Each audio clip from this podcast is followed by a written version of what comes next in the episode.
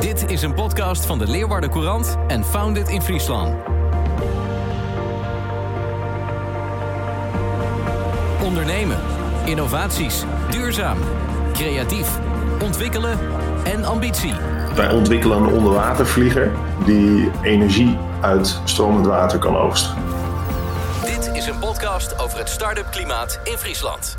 En in deze eerste aflevering zoomen we in op het start-up ecosysteem. Wat is het? Wie vormen dat systeem? En welke impact heeft het? En wat is de status van het ecosysteem in Friesland en het noorden? Mijn naam is Marijke Roskam en ik bespreek deze vragen met Bertwin Kampman, programmamanager van Founded in Friesland, Maurits Alberda van Sea Current en Lusanne Theopoering, programmamanager van Founded in Groningen.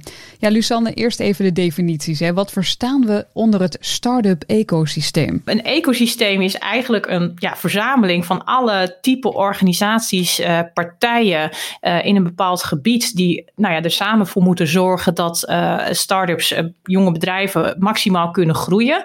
nou ja, dan kun je denken aan kapitaal, dus investeerders, banken, maar ook onderwijs, de bedrijven die er al zijn, organisaties zoals wij zelf. Ja, we hebben de accelerator-programma's, zoals dat dan heet, waar je versneld je bedrijfsidee kan door ontwikkelen. Uh, maar ook uh, netwerkorganisaties. Hè? Dus uh, als jij lid wordt van, nou bijvoorbeeld in het noorden heb je de Noordelijke Online Ondernemers, de NO. Dat is ook een partij die daaronder valt. En Bertwin, dat ecosysteem is van belang in verschillende fases, heb ik begrepen. Je hebt in elke fase van start-ups en skills heb je partijen die zich bezighouden met de ontwikkeling van zo'n bedrijf. Hè. Dus uh, innovatie en goede ideeën ontstaan vaak op universiteiten of onderzoeksinstituten of op kennisinstellingen. Um, uh, je hebt incubatie- en acceleratieprogramma's om zo'n idee te versnellen richting de markt. Uh, je hebt financierders nodig die in elke fase financiering kunnen aanbieden. Dus dat kan in een vroege fase een subsidie zijn om een goed idee door te ontwikkelen. dat kan in een latere fase inderdaad een een, een, een business angel uh, zijn, zoals um, Maurits eerder heeft aangegeven. Dus zo moet je naar een systeem toewerken in alle fasen van, van ondernemerschap uh, een, een start-up kan ondersteunen. Ja, en als we dan toch aan het uitleggen zijn, wat is nou exact een start-up? Eentje die uh, al heel oud is, dus uit uh, Silicon Valley overgekomen, is de definitie dat het een, een bedrijf of organisatie is die op zoek is naar een, een schaalbaar en herhaalbaar businessmodel. Nou, daar zijn de loop van tijd allemaal elementen bijgekomen. Het is vaak tech gedreven, is nu een belangrijk element. Um, de ambitie um, om dus internationaal te schalen is een element dat, uh, dat terugkomt. Um, en je ziet dat er door de loop van tijd ook vaak een soort tijdselement aangekoppeld is. Dus uh, we hebben in het verleden gezegd, eigenlijk zou het binnen drie jaar naar een bepaald niveau geschaald moeten zijn. Of het zou binnen vijf jaar naar een bepaald schaalniveau geschaald moeten zijn. Nou, daar stappen we ook steeds meer vanaf, omdat we zien dat um, uh, prachtige bedrijven zoals Seacurrent, um, uh, dat zijn zulke complexe technologieën, die hebben een lange aanlooptijd nodig.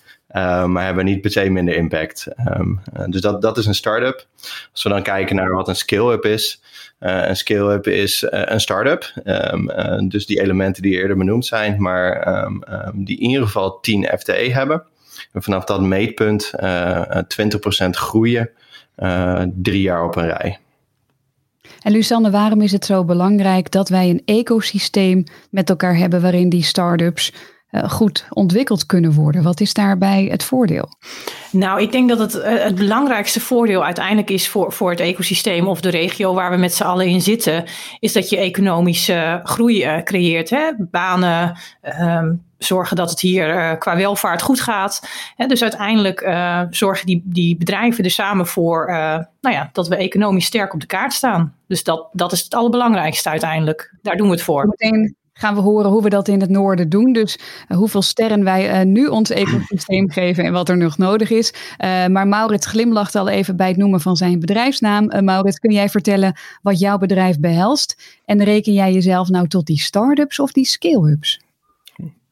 Ja, we zijn zeker een start-up. Maar we gaan inderdaad dwars door de, de definities heen. we zijn in ieder geval een, een hoog, hoog, hoog innovatief bedrijf. Uh, met een schaalbaar, uh, schaalbaar product. Dus wij ontwikkelen een onderwatervlieger die um, energie uit stromend water kan oogsten. En uh, de potentie daarvoor is enorm. het idee is ontstaan eigenlijk op de Waddenzee, waar we natuurlijk prachtige stroming hebben. we zagen dat bestaande technologieën daar eigenlijk niet goed uit de voeten kunnen. En in de zoektocht naar de oplossing daarvoor kwamen we erachter dat de technologie die wij maken ook wereldwijd uniek is en wereldwijd een enorme potentie heeft. Dus zeer schaalbaar. Ja, ja, we, een markt van een paar honderd miljard, snel gezegd. Ehm, hè, dus het, het, gaat over, over grote bedragen. Maar ehm, ook kapitaalintensief. Uh, dus uh, wat je bij ons ziet is dat uh, de ontwikkeltijd over het algemeen langer duurt dan bijvoorbeeld bij een softwarebedrijf. daar kun je je iets bij voorstellen. Ja. we hebben 20 man, op, dit moment 22 man straks in dienst. Dus dat zit alweer in de definitie van mijn skill die, die Bert in ja. Maar we zijn echt nog wel aan het, aan het opstarten. En ik durf te wedden dat degene die nu luistert denkt: ja, hoe en wat? Een vlieger onder water, hoe ziet dat eruit? Die vlieger die, ehm, die we maken, die bestaat uit een aantal vleugels die we achter elkaar plaatsen.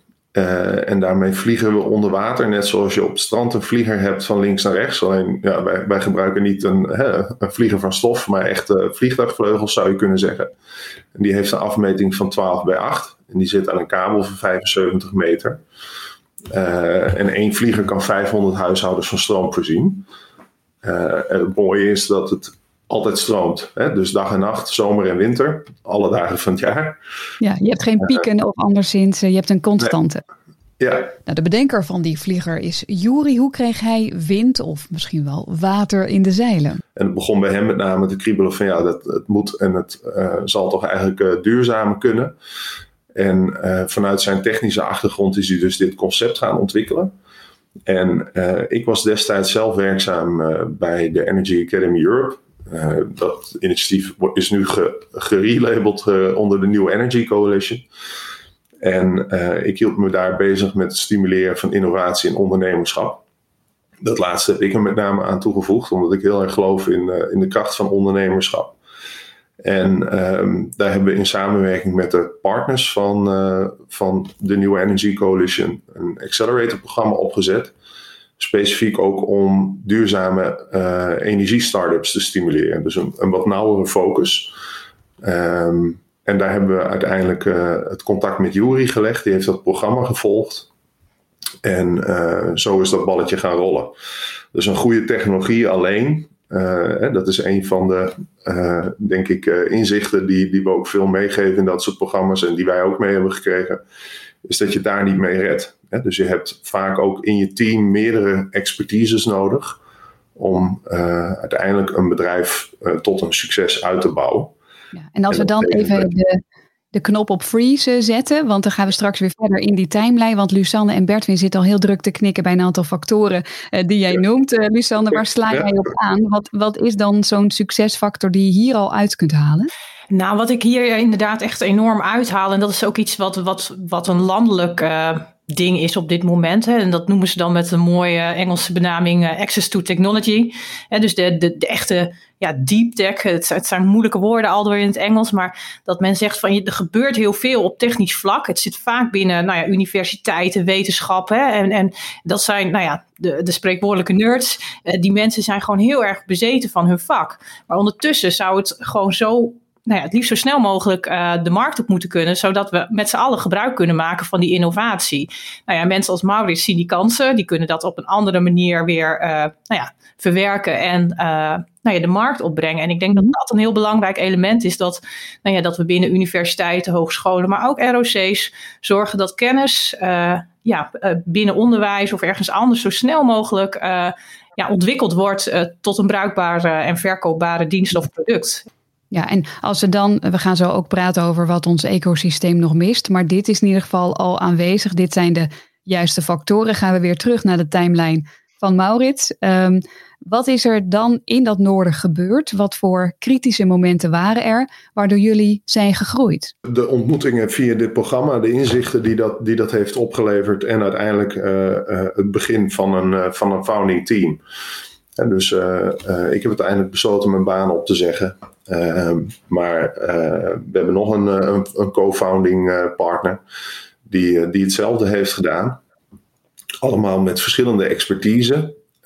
en op die manier kun je, ja, kun je verder met het uitbouwen van je bedrijf. Want naast technologie is ook het aantrekken van funding belangrijk, het betrekken van je stakeholders. Nou ja, zo kun, je, zo kun je doorgaan.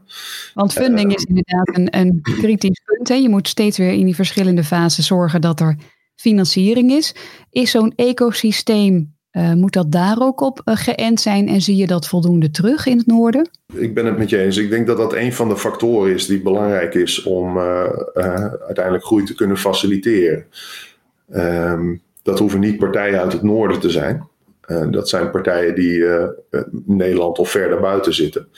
Maar het zou fijn zijn als er in ieder geval toegang, eenvoudig toegang kan worden verschaft tot, tot dat soort partijen. Dat, dat kennis en netwerken heel makkelijk verbonden kunnen worden. Bert Win van Constantijn van Oranje heb ik eens gehoord dat je een soort ja, balboekje, een Rolodex met investeerders moet hebben. Hebben wij die connecties hier voldoende?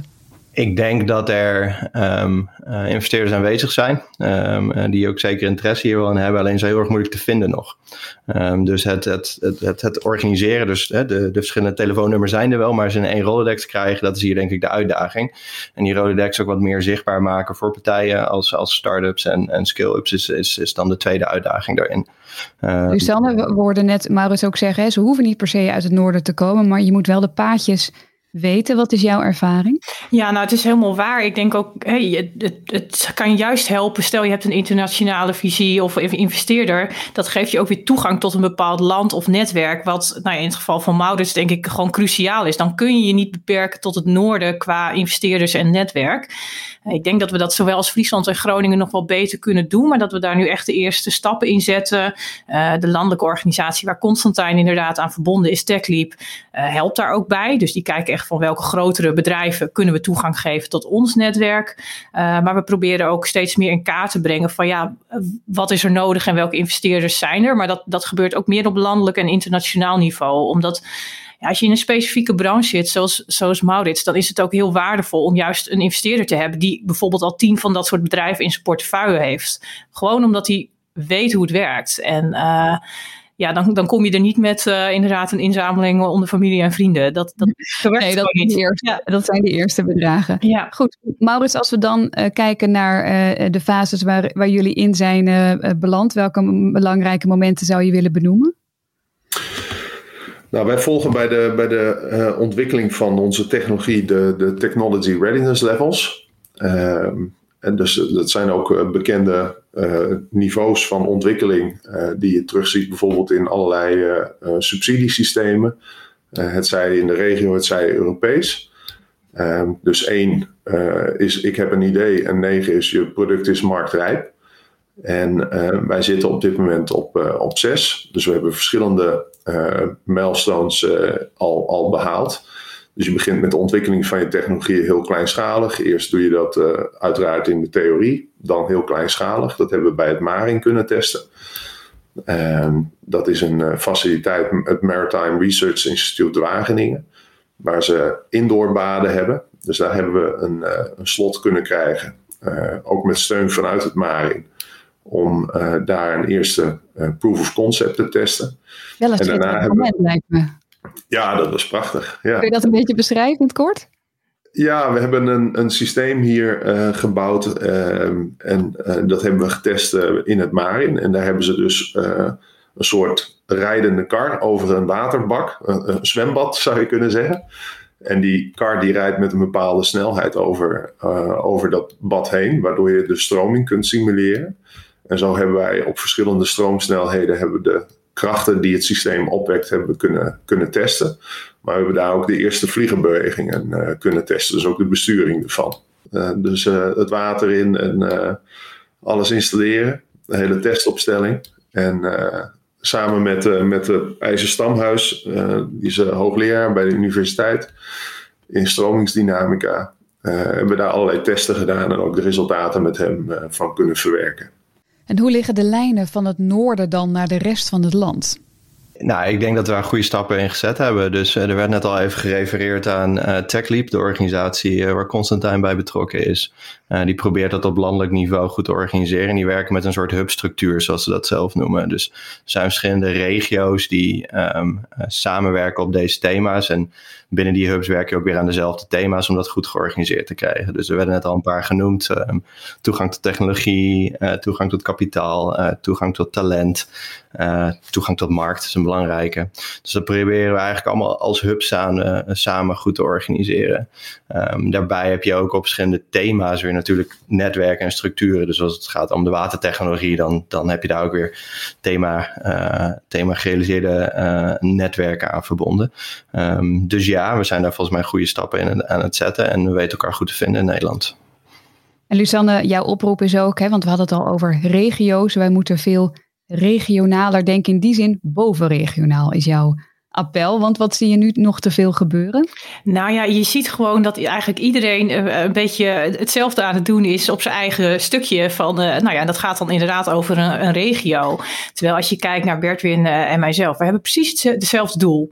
Dus in die zin zouden wij ook gewoon op moeten schalen. Hè? Dus nou ja, als het gaat over bijvoorbeeld onderzoek, hè, het vergelijken van ecosystemen. Ja, het zou gek zijn als ik een onderzoek initieer en Bertwin gaat dat net op een andere manier doen. Waardoor we en niet kunnen vergelijken en een totaal verschillende werkwijze hebben, die best wel kostbaar kan zijn. Mhm. Ja, ga lekker samenwerken. Hè. En um, ik, denk, ik denk dat dat uh, vanuit die, die hubs, zoals uh, Bertwin dat net noemde, gebeurt dat nu steeds meer. En uh, dat is ook pas eigenlijk sinds een paar jaar zo georganiseerd. Hè? Dus het is ook niet dat dit er allemaal al jaren is of zo als je kijkt naar Founders in Friesland, ja, eigenlijk zijn jullie nu 1, 2 jaar echt zo bezig en Groningen nog maar 5 jaar. En het kost echt wel 20 jaar om een ecosysteem te bouwen.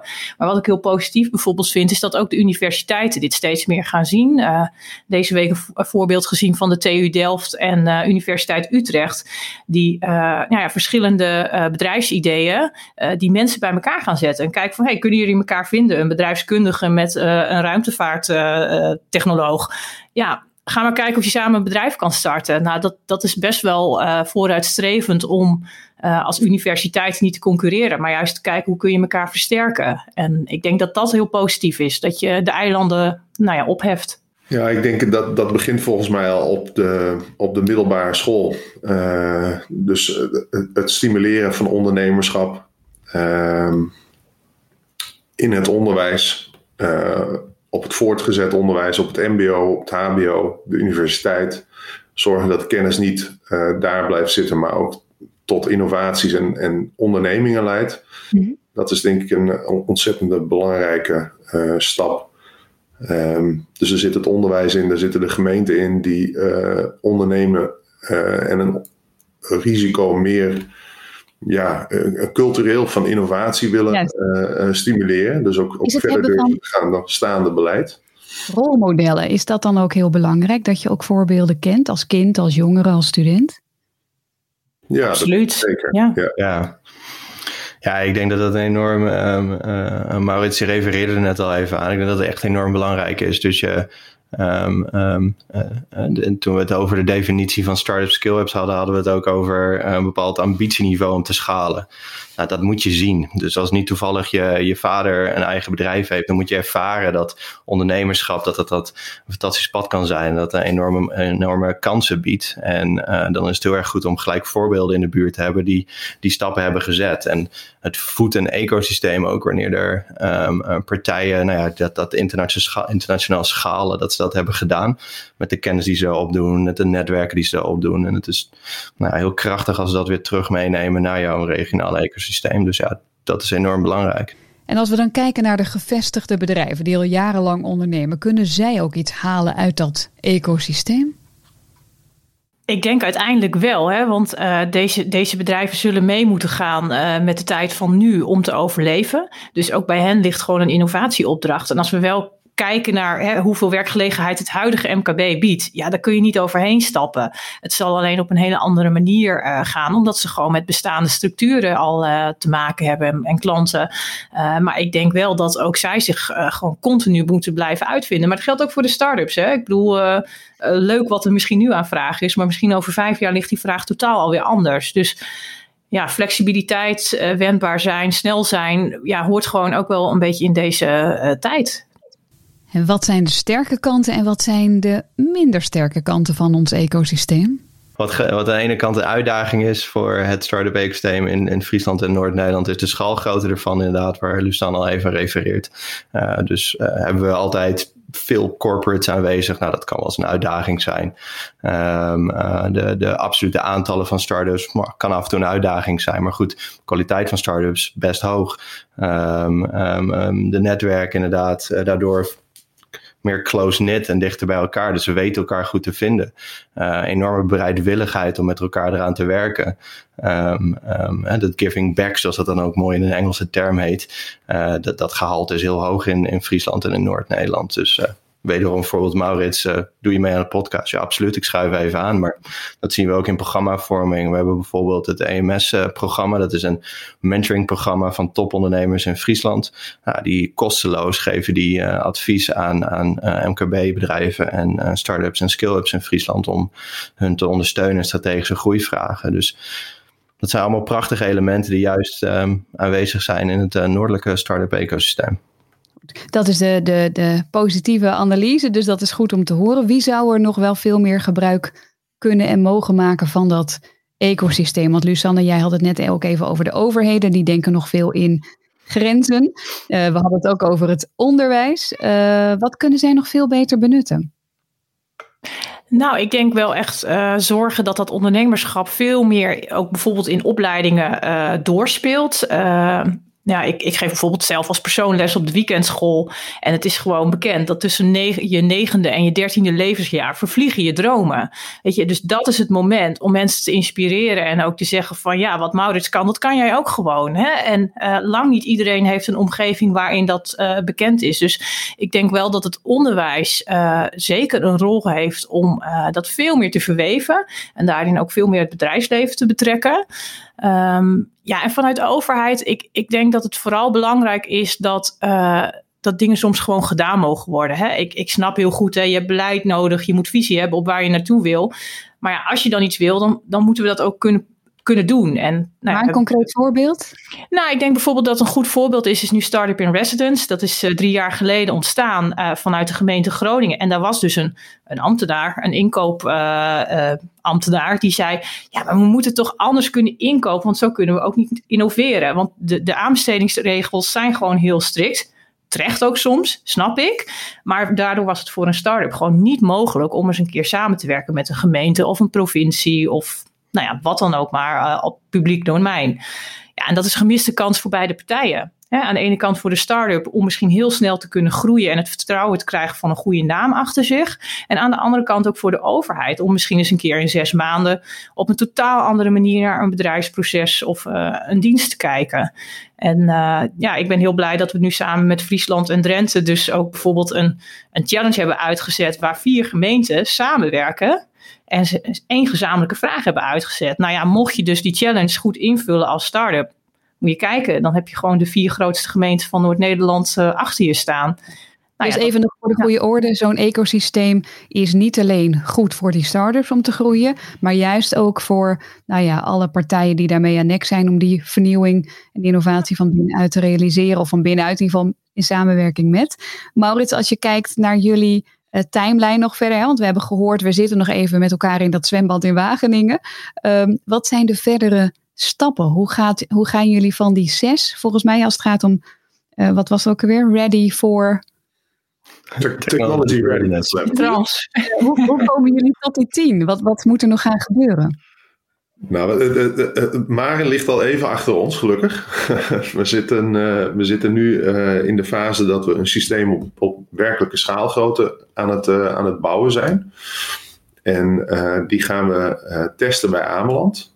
Dus daar, daar gaan we een systeem installeren. En dat zou in februari gebeuren, maar door weersomstandigheden, de ijspret, kon ja. het helaas niet doorgaan. Dus dat gebeurt wat later dit jaar. En daar gaan we het systeem uh, uh, testen. En dat is een belangrijke fase, want daarmee toon je aan dat het daadwerkelijk op schaal uh, in een relevante omgeving werkt.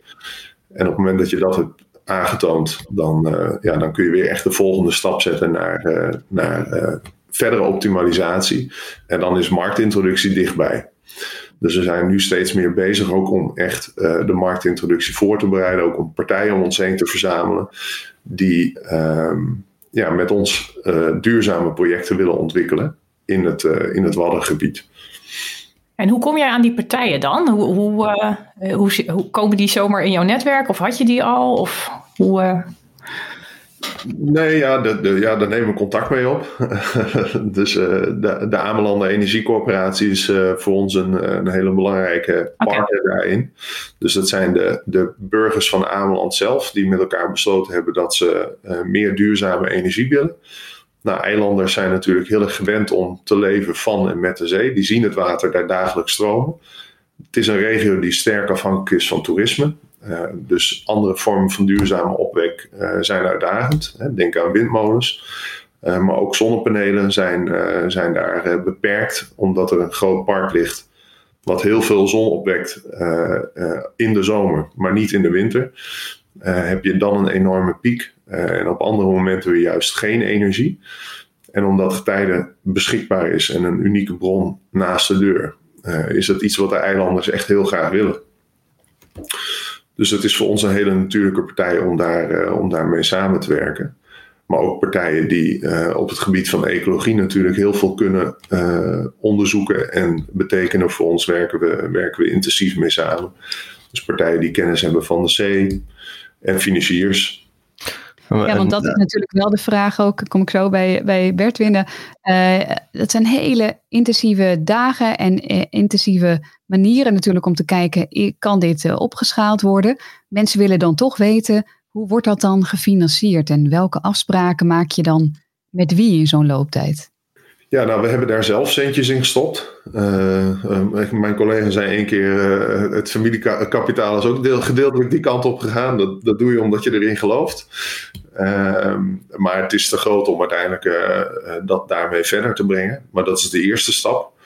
Ehm, dat helpt ook bij het overtuigen van partijen die later ook in, een, in een fase waar nog veel risico zit, bereid zijn om mee te investeren.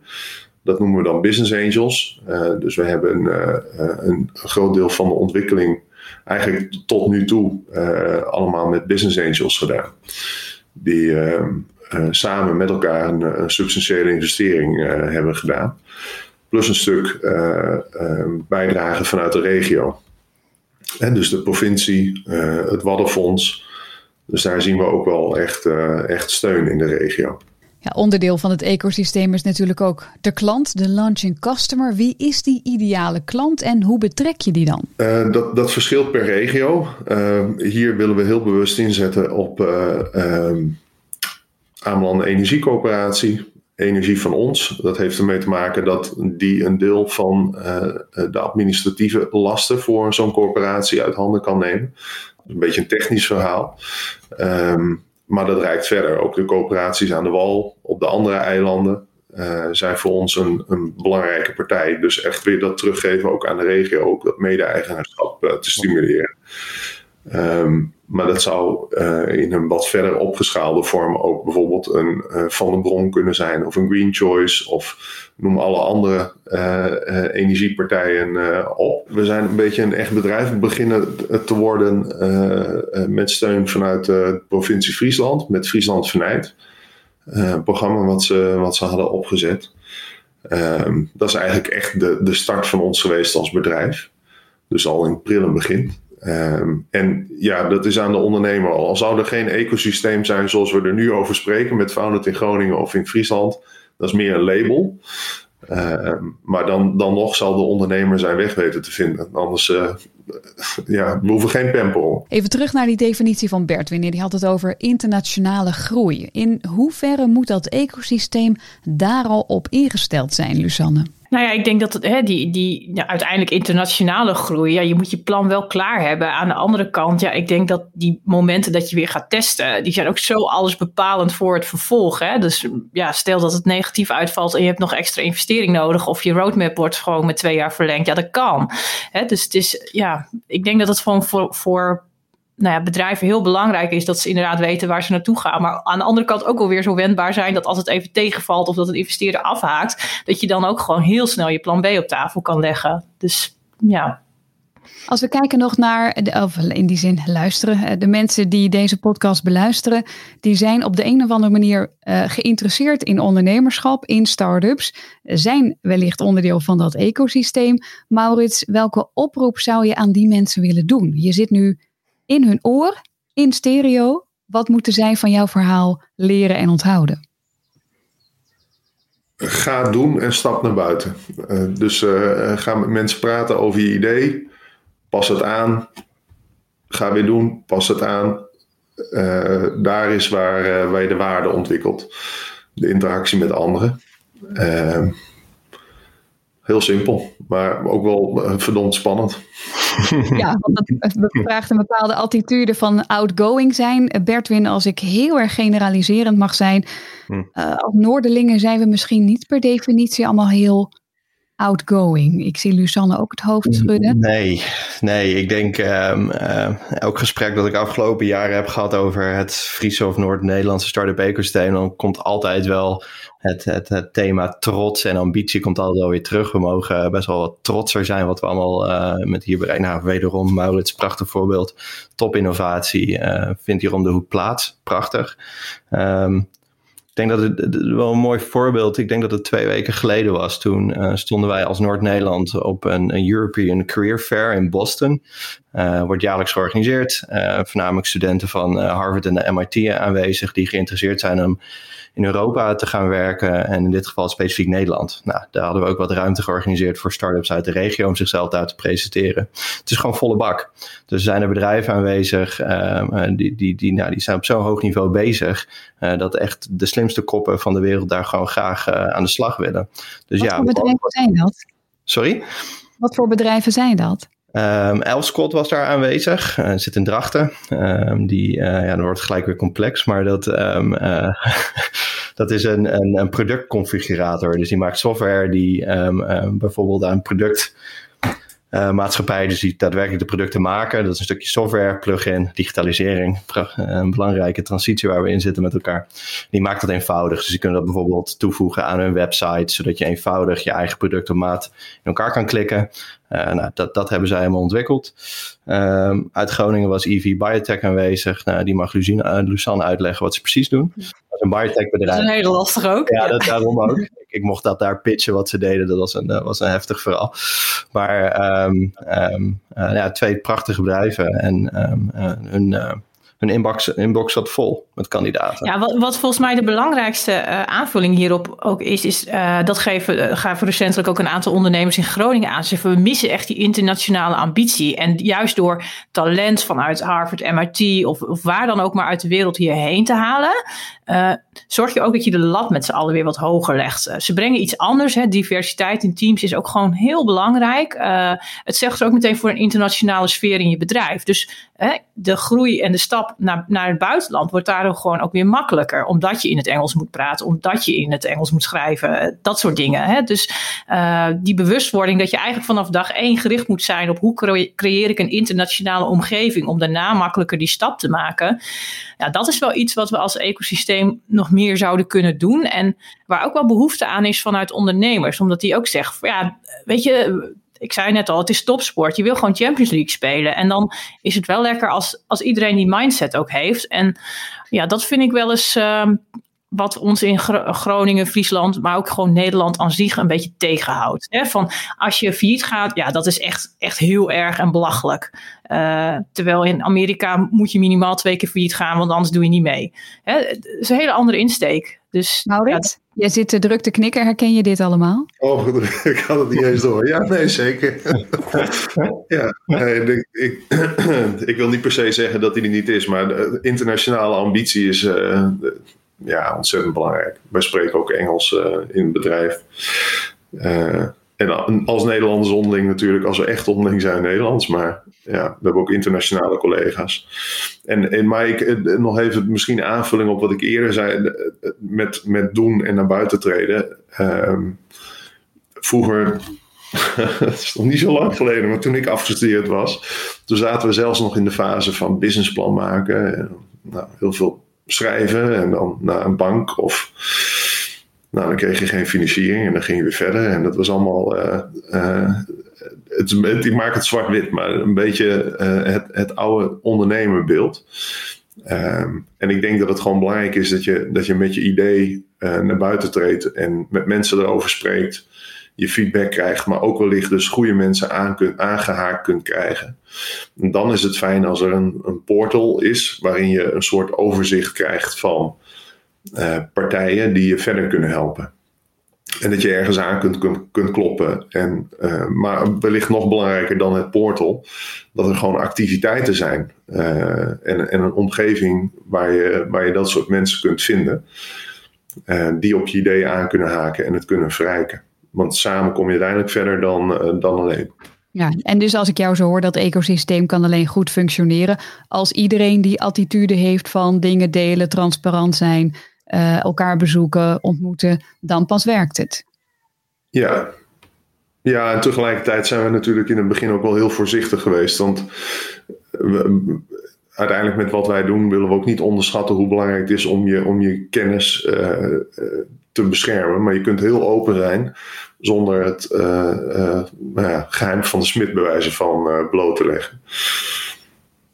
Als we nog kijken tot slot naar kippenvelmomenten. Nou, ik noem maar even toch in dat ecosysteem. Hè, die, die touchpoint met, met mensen en partijen waarvan je dacht... wauw, dit is toch wel te gek dat we op deze manier kunnen werken. Kunnen bewoners zijn van Ameland, kan een overheid zijn, een andere ondernemer. Welke momenten, op welk moment zouden jullie daar dan uitpikken? Ik begin met Lusanne. Wat was nou een schitterend moment, ondanks corona, toch een mooi, uh, ja, een mooi moment.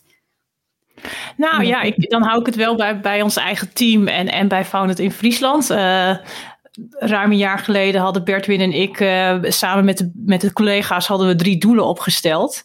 En uh, ik denk dat het uh, oktober 2020 was toen we toch nog wel op nou ja, kleine schaal een activiteit met elkaar mochten doen. Dat was in die periode. En toen waren we hier in Groningen nou ja, aan, het, aan het boelen. Jeu de boelen. was heel leuk. Um, en toen konden we concluderen dat we onze doelen gehaald hadden. En dat was samen Startup in Residence uh, organiseren. Uh, nog een keer weer bijeenkomen, omdat dat gewoon heel erg leuk was. Maar ook samen een merk uh, lanceren. En dat is gewoon gelukt. En uh, dat was voor mij wel even, volgens mij zei ik ook toen tegen Bert dit is toch gewoon fantastisch dat we dat wel gecheft hebben uh, als overheidsorganisaties, want we vallen onder de overheid. Ja. En uh, ja, dat was voor mij een heel mooi moment. En ik hoop ook uiteindelijk dat dat ervoor zorgt dat we veel meer start-ups verder kunnen helpen. Dus ja, dat was mijn moment wel het afgelopen mooi. jaar, ondanks corona. Ja, Bertwin, dan mag jij niet meer over Jeu de Bol praten, maar dan willen we natuurlijk ook een ander moment nog horen. Ja, daar bal ik een beetje van. Dat was natuurlijk ook mijn hoogtepunt. Um, nee, ik, ik denk um, uh, als je werkt met start-ups en scale-ups, dan, dan, dan, dan, dan werk je met hele gedreven mensen en, en een heel gedreven ecosysteem met elkaar. En, um, en dat heeft wel eens het gevolg dat je, gevolg dat je alleen maar vooruit kijkt. Dus je wil altijd weer beter. Hè? We hebben het over allemaal verbeterpunten gehad met elkaar. Dus je ziet eigenlijk alleen maar de dingen die nog beter kunnen. Je geniet af en toe niet van de zaken die al hartstikke goed werken. Um, um, dus dat, dat doe ik tegenwoordig af en toe. Dus ik kijk terug. Ik denk, nou, wat voor prachtige resultaten hebben we al met elkaar neergezet. Lucianne benoemde net al een paar. Één voorbeeld waar ik gelijk aan moest denken, waar je het net over had, is ook een stukje trots waar we het eerder over hadden. Dat was uh, Hydraloop, um, uh, een start-up uit uh. Ik denk tegenwoordig redelijk bekend door alle persaandacht die, die ze hebben gehad. Maar die hebben onder andere de Best of the Best Innovation Award op CES in, in Las Vegas gewonnen. Nou, dat is wel echt de techbeurs van de wereld. Um, en dat daar als een nou ja, Fries bedrijf um, daar echt letterlijk de hoogste treden van innovatie um, daar die prijs weet te pakken. Nou, dat, daar was ik als ecosysteem wel heel erg trots op. Ja. ja, want als ik dan toch specifiek nog mag doorvragen, heel kort. Hoe heeft dat ecosysteem daaraan bijgedragen? Zonder nou, dat, dat, we in een hele timeline vervallen. Maar... Ja, dat zou je natuurlijk eigenlijk aan hun moeten vragen. Maar aangezien ze hier niet zitten, nee. zij zijn, dat is wel een mooi verhaal aan zich. Uh, de twee founders van Hyderloop komen zelf niet uit Friesland. Um, een van de founders um, is uh, op een gegeven moment op deze techniek gestuurd. Een beetje zoals Maurits. Hè, meer, die zit daar meer aan de businesskant. Die dacht, hey, dit is een interessante innovatie. Hier zit potentie in.